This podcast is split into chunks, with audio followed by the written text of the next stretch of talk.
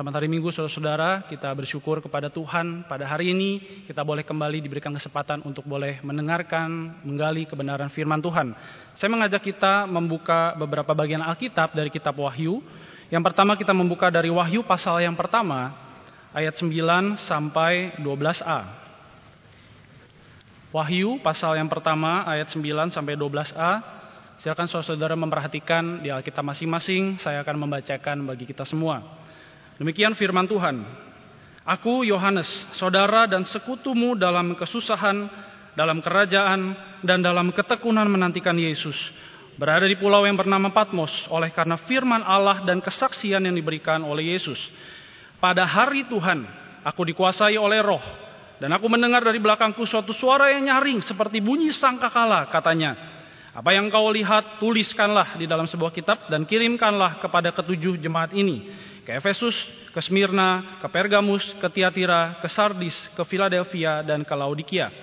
Lalu aku berpaling untuk melihat suara yang berbicara kepadaku. Kemudian kita membaca dari kitab Wahyu pasal 18 ayat 1 sampai 4 dan pasal 19 ayat 1 sampai 10. Wahyu 18 ayat 1 sampai 4 dan 19 ayat 1 sampai 10. Demikian firman Tuhan. Kemudian daripada itu aku melihat seorang malaikat lain turun dari surga yang mempunyai kekuasaan besar dan bumi menjadi terang oleh kemuliaannya. Dan ia berseru dengan suara yang kuat katanya, sudah rubuh, sudah rubuh Babel, kota besar itu. Dan ia telah menjadi tempat kediaman roh-roh jahat dan tempat bersembunyi semua roh najis. Dan tempat bersembunyi segala burung yang najis dan yang dibenci. Karena semua bangsa telah minum dari anggur hawa nafsu cabulnya. Dan raja-raja di bumi telah berbuat cabul dengan dia dan pedagang-pedagang di bumi telah menjadi kaya oleh kelimpahan hawa nafsunya. Lalu aku mendengar suara lain dari surga berkata, Pergilah kamu, hai umatku, pergilah daripadanya, supaya kamu jangan mengambil bagian dalam dosa-dosanya, dan supaya kamu jangan turut ditimpa malapetaka-malapetakanya. Pasal 19 ayat 1 sampai 10, bagian terakhir yang akan kita baca pada hari ini. Demikian firman Tuhan. Kemudian daripada itu aku mendengar seperti suara yang nyaring dari himpunan besar orang banyak di surga. Katanya, Haleluya, keselamatan dan kemuliaan dan kekuasaan adalah pada Allah kita. Sebab benar dan adil segala penghakimannya. Karena ialah yang telah menghakimi pelacur besar itu. Yang merusakkan bumi dengan percabulannya. Dan ialah yang telah membalaskan darah hamba-hambanya atas pelacur itu. Dan untuk kedua kalinya mereka berkata, Haleluya, ya asapnya naik sampai selama-lamanya. Dan kedua puluh empat tua-tua dan keempat makhluk itu tersungkur dan menyembah Allah yang duduk di atas tahta itu. Dan mereka berkata, Amin, Haleluya. Maka kedengaranlah suatu suara dari tahta itu, Pujilah Allah kita, hai kamu semua hambanya, kamu yang takut akan dia, baik kecil maupun besar. Lalu aku mendengar seperti suara himpunan besar orang banyak, seperti desau air bah dan seperti deru guru yang hebat. Katanya, Haleluya, karena Tuhan Allah kita yang maha kuasa telah menjadi raja. Marilah kita bersuka cita dan bersorak-sorai dan memuliakan dia.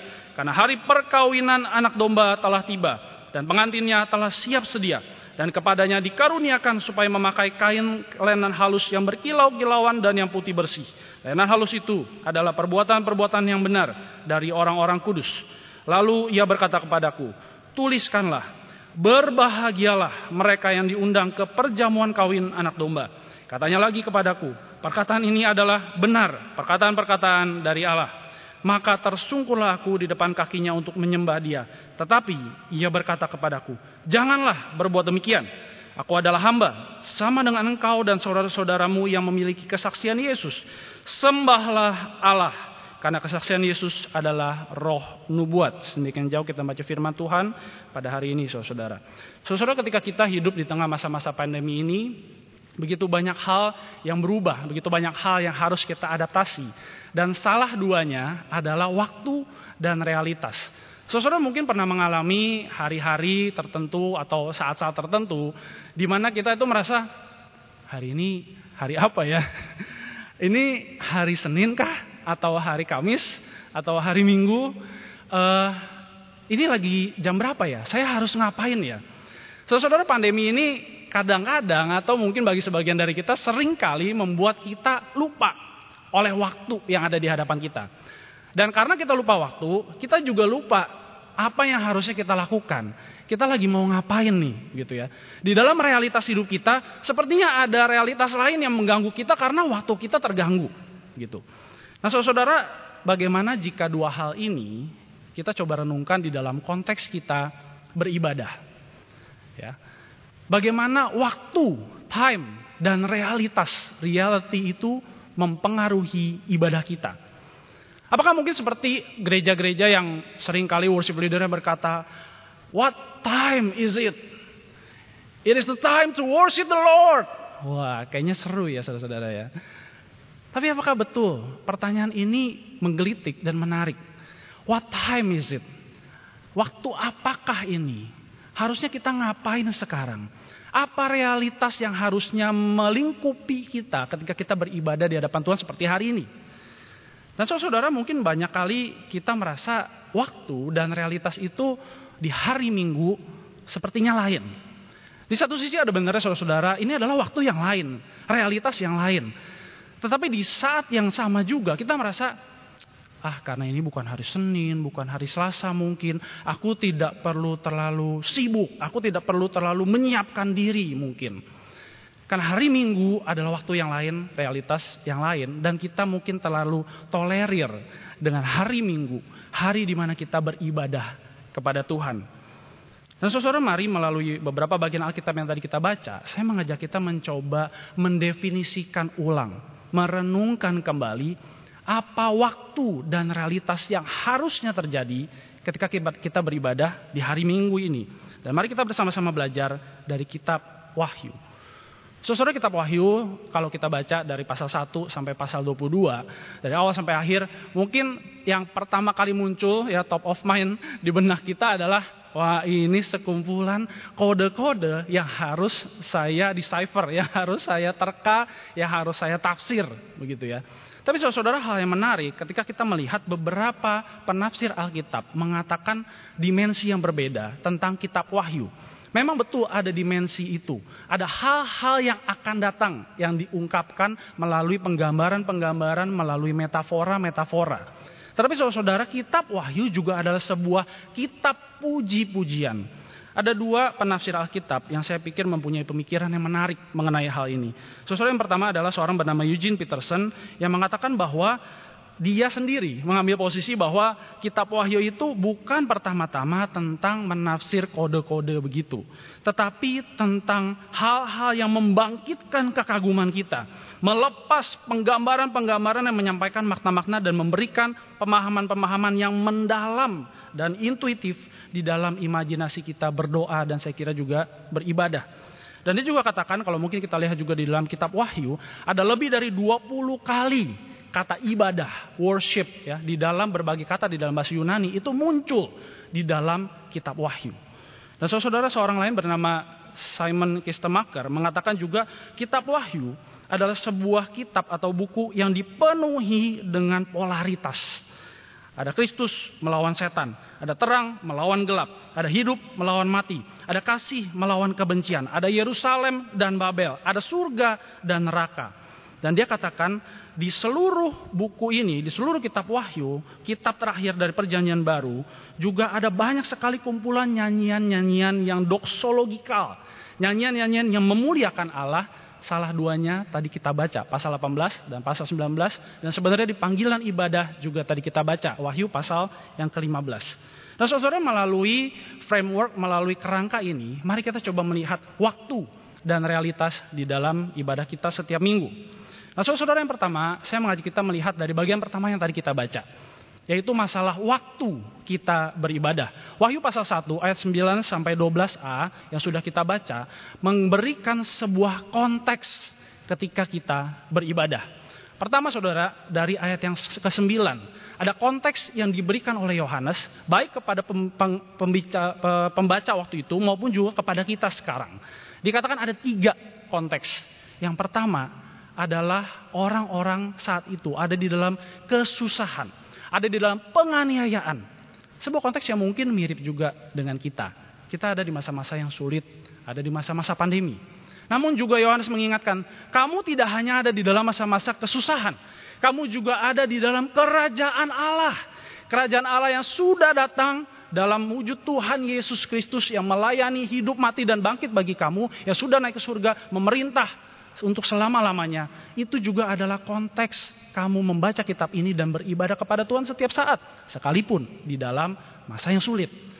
Dan yang terakhir dia katakan ada konteks kamu harus terus bertekun menantikan Kristus datang kembali. Konteks ini saya kira juga familiar dengan kehidupan kita sekarang. Kita ada di masa-masa sulit, namun kerajaan Tuhan tetap ada, tidak berubah, tegak, tidak tergoncangkan dan kita terus menjadi orang-orang yang menantikan Tuhan datang kembali di dalam ibadah kita. Dan kemudian saudara-saudara ada perspektif yang coba Yohanes berikan kepada para pembaca waktu itu dan juga kepada kita. Di dalam ayat yang ke-10 dikatakan pada hari Tuhan, the day of the Lord. Saudara-saudara di dalam gereja mula-mula dan juga di dalam keempat Injil, the day of the Lord, hari Tuhan jelas menunjuk kepada hari kebangkitan Yesus. Baru minggu lalu kita rayakan. Ya. Dan saudara-saudara kita bisa melihat, kalau saya bisa rangkum secara singkat, di dalam keempat Injil ada banyak sekali penjelasan yang jelas mengenai hari kebangkitan Yesus dan ini bukan hari yang biasa, bukan waktu yang biasa. Saudara-saudara bisa melihat setelah hari Sabat lewat dikatakan, menjelang menyingsingnya fajar. Tetapi pagi-pagi benar ketika hari masih gelap setelah matahari terbit. Pada hari pertama minggu itu, hal yang menarik, hari pertama, bukan hari ketujuh, bukan hari terakhir, Alkitab katakan. Dan juga dengan fenomena-fenomena alam lain, ada gempa bumi, ada malaikat datang, dan ada respon manusia yang ada di sekitarnya. Orang-orang yang takut, orang-orang yang gentar, orang-orang yang gentar sekaligus bersyukur kepada Tuhan, bersuka cita. Karena Tuhan telah bangkit. Ini saudara-saudara, waktunya Tuhan, harinya Tuhan adalah seperti itu. Dan gereja mula-mula saudara-saudara setelah masa rasul-rasul pun memaknai dengan sama Ketika mereka juga ada di masa-masa penganiayaan, masa-masa sulit. Ketika mereka ditangkap oleh pemerintahan dan mereka diakus, mereka dituduh menyembah yang selain kaisar. Padahal mereka menyembah Tuhan yang benar. Di sana mereka mengatakan, hari Tuhan tidak dapat berakhir. Ini yang harusnya kami rayakan. Ini adalah hari miliknya Tuhan, bukan hari kami. Ini adalah hari miliknya Tuhan. Dan mereka katakan bahkan ini bukan hari libur publik yang seperti mungkin saat ini kita lakukan. Hari Minggu tanggal merah begitu ya. Hari libur, mari kita sedikit linian, sedikit tolerir dengan hari ini begitu ya. Saudara-saudara mereka juga memahami hari mereka beribadah, hari Tuhan sebagai sebuah titik berangkat kepada sebuah eksistensi yang baru, kepada sebuah waktu yang baru. Karena mereka juga memahami hari Minggu bukan hanya hari pertama. Ingat lagi-lagi ya, kita sudah terbiasa menganggap hari Minggu hari ketujuh ya dari Senin sampai Minggu, Minggu yang terakhir. Tapi gereja mula-mula bahkan di masa-masa Alkitab pun dikatakan pada hari yang pertama Yesus bangkit. Dan gereja mula-mula terus memaknai ini dengan sama. Ini adalah hari yang pertama sekaligus hari yang ke-8. Mereka menantikan hari ke-8 di mana suatu saat nanti mereka akan beribadah bersama-sama umat percaya di mana-mana tempat dalam kekekalan. Itu yang mereka pahami saudara-saudara. Dan Yohanes saudara-saudara menutup dengan sebuah visualisasi. Perkataan yang menarik, kalimat yang menarik ketika dia berkata, lalu aku berpaling untuk mendengar suara. Saudara-saudara kalau orang berpaling, kalau orang melihat, berarti dia melihat seseorang, melihat objek, melihat sesuatu. Tapi Yohanes dengan imajinasi yang doksologikal, dia mengajak kita untuk melihat suara sebuah perkataan yang menarik, sebuah visualisasi yang menarik dan siapa yang dia lihat saudara-saudara? Dia melihat Yesus yang bangkit. Dia tidak melihat ilah yang lain, dia tidak melihat objek yang lain, dia tidak melihat malaikat lebih dulu atau mungkin tua-tua yang berapa orang itu, tapi dia melihat Yesus yang bangkit yang digambarkan oleh ayat-ayat berikutnya dengan begitu indahnya, dengan begitu megahnya, dengan begitu mulianya. Sesudah melalui hal-hal ini, mari kita berpikir. Apakah waktu kita beribadah betul-betul adalah waktunya Tuhan? The day of the Lord, harinya Tuhan. Saudara kalau ingat di sekolah minggu, kita pasti pernah nyanyi. Hari ini, hari ini, harinya Tuhan. Lause-lause anak-anak sekolah minggu pasti tahu lagu ini. Dan benarkah ini adalah harinya Tuhan? Hari ini ketika kita beribadah, betulkah ini waktunya Tuhan? Atau ini waktunya kita? Waktunya kita tolerir sedikit. Ini hari terakhir di minggu ini.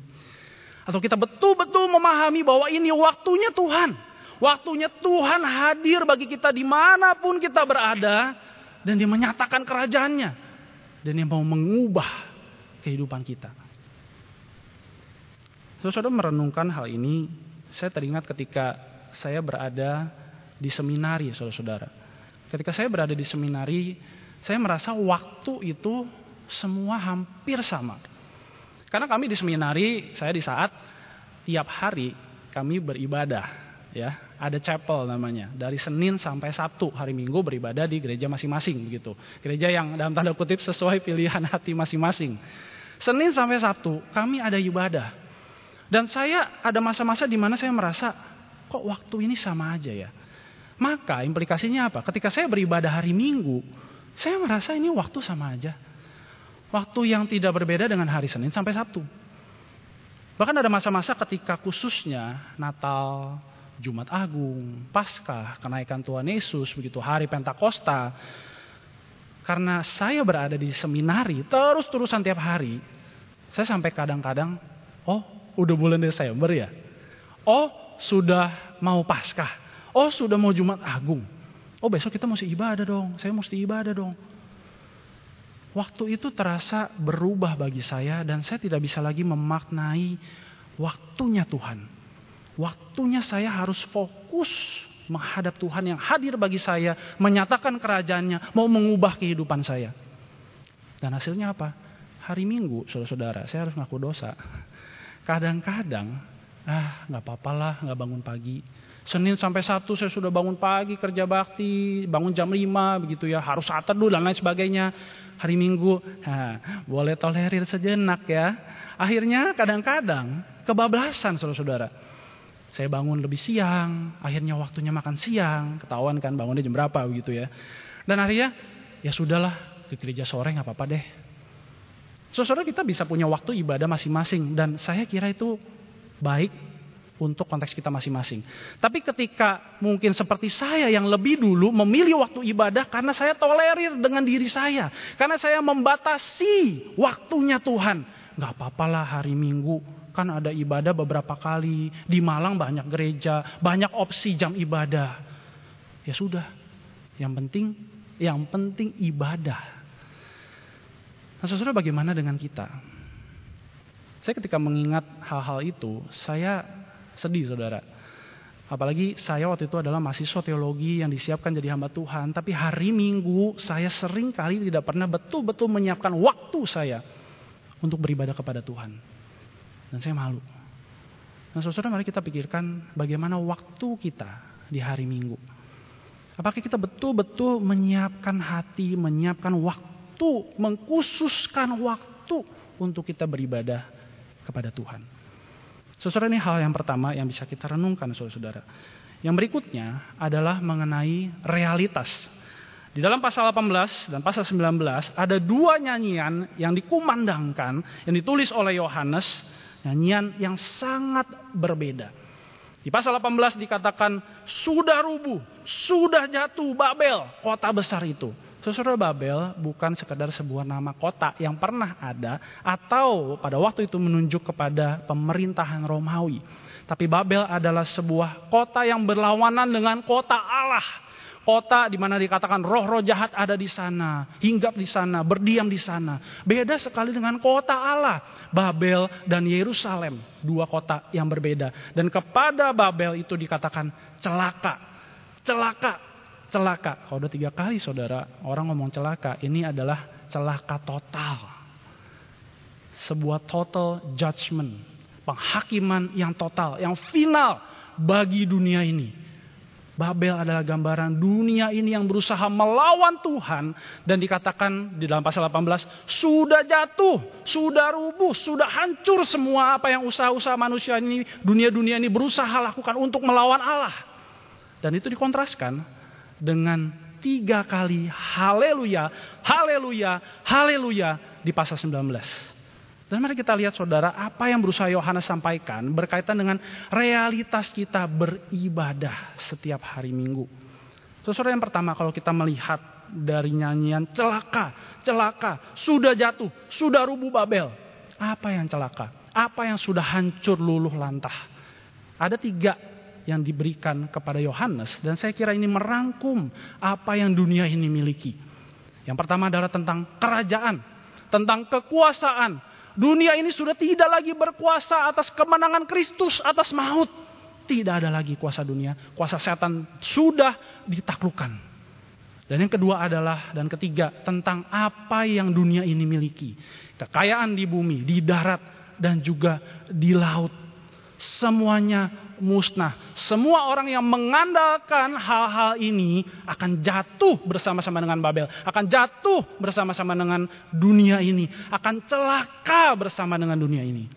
Maka dikatakan bagi orang-orang yang percaya, keluarlah kamu, come out Keluarlah dari kota Babel ini. Keluarlah dari apa yang dunia ini tawarkan.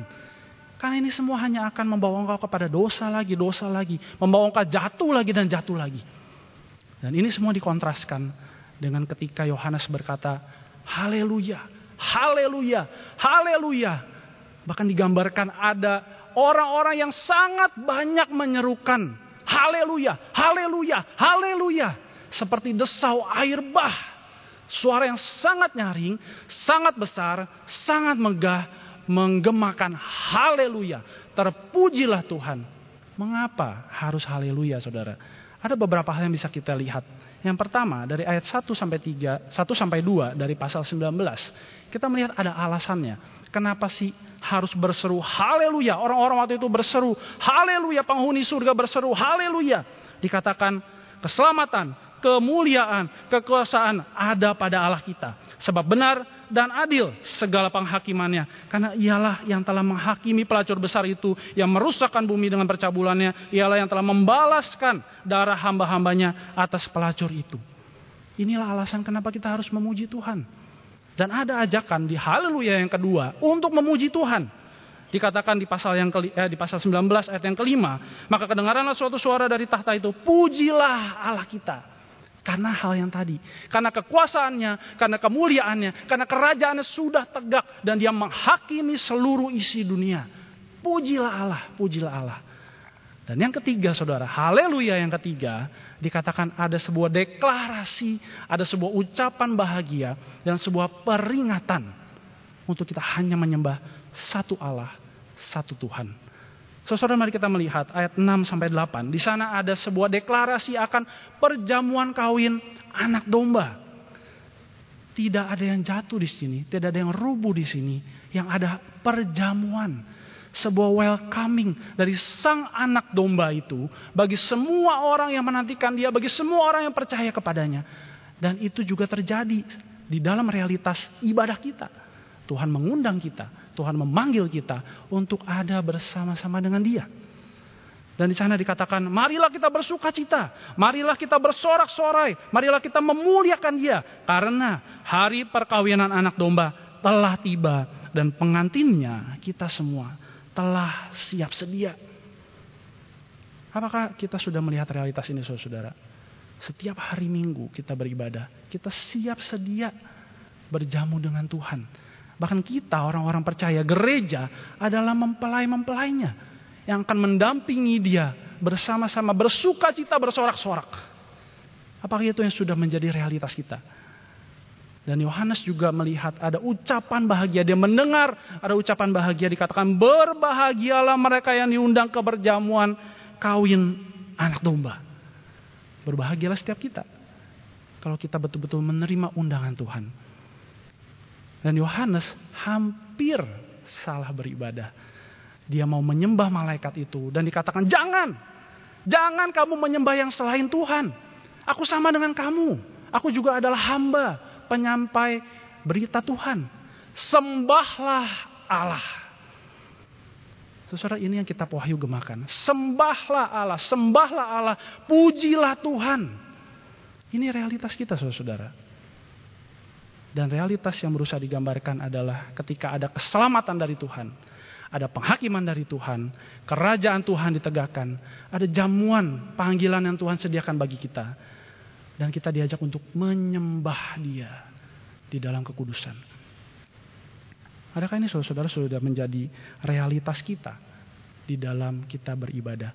Sebuah realitas antara kota yang sudah rubuh dengan kota yang tetap tegak antara orang-orang yang dihakimi, dihancurkan, dan juga kita orang-orang percaya yang bersama-sama dengan orang-orang percaya di segala tempat beribadah menyembah Tuhan. Saudara, bukankah realitas peperangan harusnya ada di dalam ibadah kita? Saudara, seorang teolog bernama J.J. von Almen mengatakan bahwa ibadah setiap kali gereja berkumpul di mana-mana tempat untuk memproklamasikan kematian dan kebangkitan Kristus. Di sanalah gereja sedang memproklamirkan akhir dari dunia. Kegagalan dunia sudah rubuh dunia ini. Dan Tuhan, kerajaan Tuhan ditegakkan. Ini yang sedang kita proklamirkan setiap kali kita beribadah. Dan bahkan kesannya agak mengerikan saudara ya. Tapi von Amen mengatakan ibadah adalah sebuah intro, prelude dari penghakiman akhir. Saudara bayangkan ketika setiap hari minggu kita beribadah, kita sedang melakukan penghakiman kepada dunia ini. Dunia ini sudah rubuh, sudah jatuh, tidak lagi berkuasa atas diriku. Dan kebangkitan Kristus itulah yang menguasai aku. Sebuah penghakiman yang tidak harus tunggu nanti. Kita sedang lakukan sekarang ketika kita beribadah. Dan saudara kalau kita baru tertegur, tercelikkan oleh kalimat ini sekarang, mari mungkin kita ambil waktu ketika tadi kita nyanyi, ketika kita tadi pengakuan dosa. Apa realitas yang terjadi? Apakah ada peperangan di dalam hati kita ketika kita mengaku dosa? Tuhan aku mau lepas. Aku tahu dosa harusnya tidak lagi berkuasa di dalam diriku. Adakah pergelutan seperti itu? Peperangan seperti itu? Ketika kita menerima panggilan ibadah, ketika kita memuliakan Tuhan, memuji Tuhan di dalam panggilan ibadah itu. Adakah kita menyadari ini yang panggil kita Tuhan? Yang panggil kita bukan dunia ini. Adakah kita melihat realitas itu, saudara-saudara? Nah, saudara-saudara, mari kita bertanya, apa sih realitasnya membentuk kita di dalam ibadah minggu ini?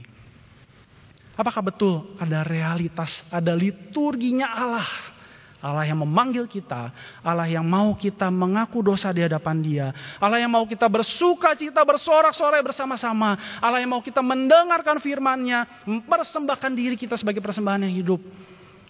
Atau kita mendengarkan realitas yang lain, dibentuk oleh realitas yang lain, oleh liturgi yang dunia tawarkan. Saudara kalau kembali mengingat kehidupan saya di seminari, sebagai orang yang cukup aktif ya melayani di bidang ibadah, termasuk waktu di seminari, main musik, pimpin pujian begitu. Saya tergoda saudara, sering kali saya tergoda untuk menghakimi setiap ibadah yang saya ikuti. Jadi saudara bayangkan ya, kami beribadah Senin sampai Sabtu. Bahkan hari Minggu juga, walaupun tidak di seminari, di gereja masing-masing begitu. Saya tergoda untuk menghakimi ibadah yang sedang berlangsung. Saya berusaha melihat ini bukan yang seharusnya terjadi. Ini tidak real. Musiknya kurang ini, kurang itu. Kayaknya yang mimpin pujian baru nih. Aduh mestinya tadi jangan gue jadwalin ya. Begitu. Soalnya saya tergoda sering kali untuk melakukan hal itu. Bahkan kalau ada sesama mahasiswa yang berkhotbah. Saya juga tergoda. Ini baru tingkat dua. Gue udah tingkat empat. Khotbah apa ini? Kayaknya kurang eksegesis. Kurang mendalam ini firmannya kurang menyentuh saya. Saya hari ini kok rasanya dia udah dia udah mau amin ini saya tidak berubah hidupnya. Saya lagi malas-malesan, malas kerja bakti, malas kerja tugas. Kok kayaknya tidak berubah ini ya? Oh ini salah, ini salah. Saudara, saya sering kali tergoda untuk melakukan hal-hal itu. Dan itu semua akhirnya mengaburkan saya dari realitas yang harusnya terjadi setiap kali saya beribadah. Nah saudara, apakah mungkin itu juga terjadi kepada kita? Ketika kita beribadah, realitas dunia, apa yang dunia tawarkan, itulah yang membentuk kita. Kita tidak fokus lagi kepada Kristus yang bangkit, Kristus yang hadir bagi kita. Sebuah hal yang sangat mengerikan kalau sampai terjadi kepada setiap kita. Dan so, saudara, saya akan menyimpulkan dengan dua kalimat ini. Ibadah kita harusnya adalah ketika Allah menginvasi waktu dan realitas kita. Ini bukan waktunya kita. Ini waktunya Tuhan, harinya Tuhan, the day of the Lord. Dan kita harus melihat bahwa Allah sedang hadir bersama dengan kita di waktu ini. Dia menginvasi rutinitas kita, menginvasi keterbiasaan kita untuk kita datang kepada Dia bersama-sama. Dan dia juga sedang menginvasi realitas yang kita hidupi. Dunia ini bagaikan mall, menawarkan begitu banyak hal. Dan alam menginvasi itu semua. Di dalam ibadah kita. Dan kita diperlengkapi dengan liturginya dia. Dengan kisahnya dia. Dia yang mulia, dia yang menciptakan alam semesta ini. Dia yang mau kita datang kepada dia segala pengakuan dosa, kelemahan kita. Dan dia yang mau kita juga bertobat, memuji dia, mempersembahkan diri, mendengarkan hanya suara Dia. Itu liturginya Tuhan. Dan sangat berbeda dengan apa yang dunia tawarkan. Dan saudara, bukankah ini adalah sebuah peperangan? Saudara ibadah bukan sekedar kita memuji Tuhan, memilih lagu mana yang bisa kita nyanyikan, memilih musik mana yang enak di telinga kita, memilih kata-kata kalimat dari firman Tuhan mana yang enak di telinga kita tapi di dalam ibadah sedang ada peperangan. Peperangan yang jelas sudah dimenangkan oleh Tuhan. Sudah rubuh dunia ini, sudah jatuh dunia ini. Dan Tuhan menang atasnya. Dan ini terus berlangsung di dalam ibadah kita sampai kita berjumpa dengan Tuhan nanti. Bangun saudara-saudara. Bangun. Jangan tertidur di dalam ibadah. Bangunkan jiwamu. Jangan sampai kita melewatkan ada peperangan yang sedang terjadi. Ketika kita mengaku dosa, adakah kita memerangi dosa yang sedang menghimpit hidup kita? Ketika kita mau mempersembahkan persembahan kita, adakah kita mau berperang? Tuhan, aku mau mempersembahkan apa yang terbaik bagi Tuhan. Enggak separuh, enggak sepertiga, enggak seperempat. Semuanya, bahkan hidupku aku persembahkan bagi Tuhan. Adakah lihat ada peperangan di sana? Ketika dunia menarik kita jauh dari Tuhan. Dan Tuhan semakin dekat dengan kita menyatakan bahwa ini sudah ku menangkan. Di dalam pujian kita, di dalam doa kita, di dalam firman Tuhan, di dalam persembahan kita. Ini yang sedang terjadi saudara-saudara. Worship is war. Ibadah adalah sebuah peperangan. Jangan tertidur. Jangan tertidur. Sudah siapkah kita? Mari kita berdoa.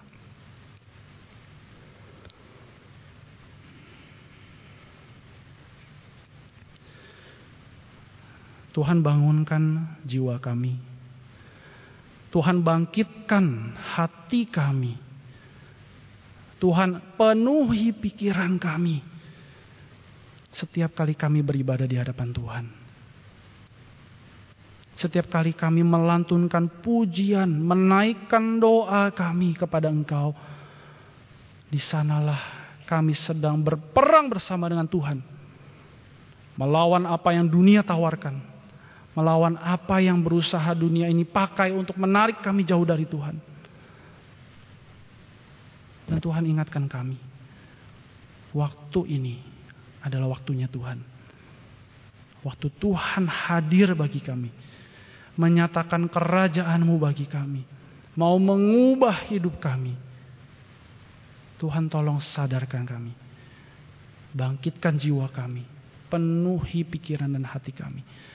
Sehingga setiap kali kami beribadah, kami tahu ini adalah waktunya Tuhan. Ini adalah realitasnya Tuhan. Ini adalah liturginya Tuhan, kisahnya Tuhan yang mau kami lakoni kami lakukan di dalam ibadah kami. Dan Tuhan pakai semua itu untuk mengutus kami berperang di tengah dunia ini.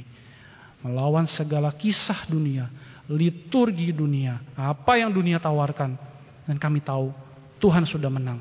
Dan Tuhan memimpin kami dalam setiap peperangan demi peperangan. Sampai kami berjumpa dengan Tuhan.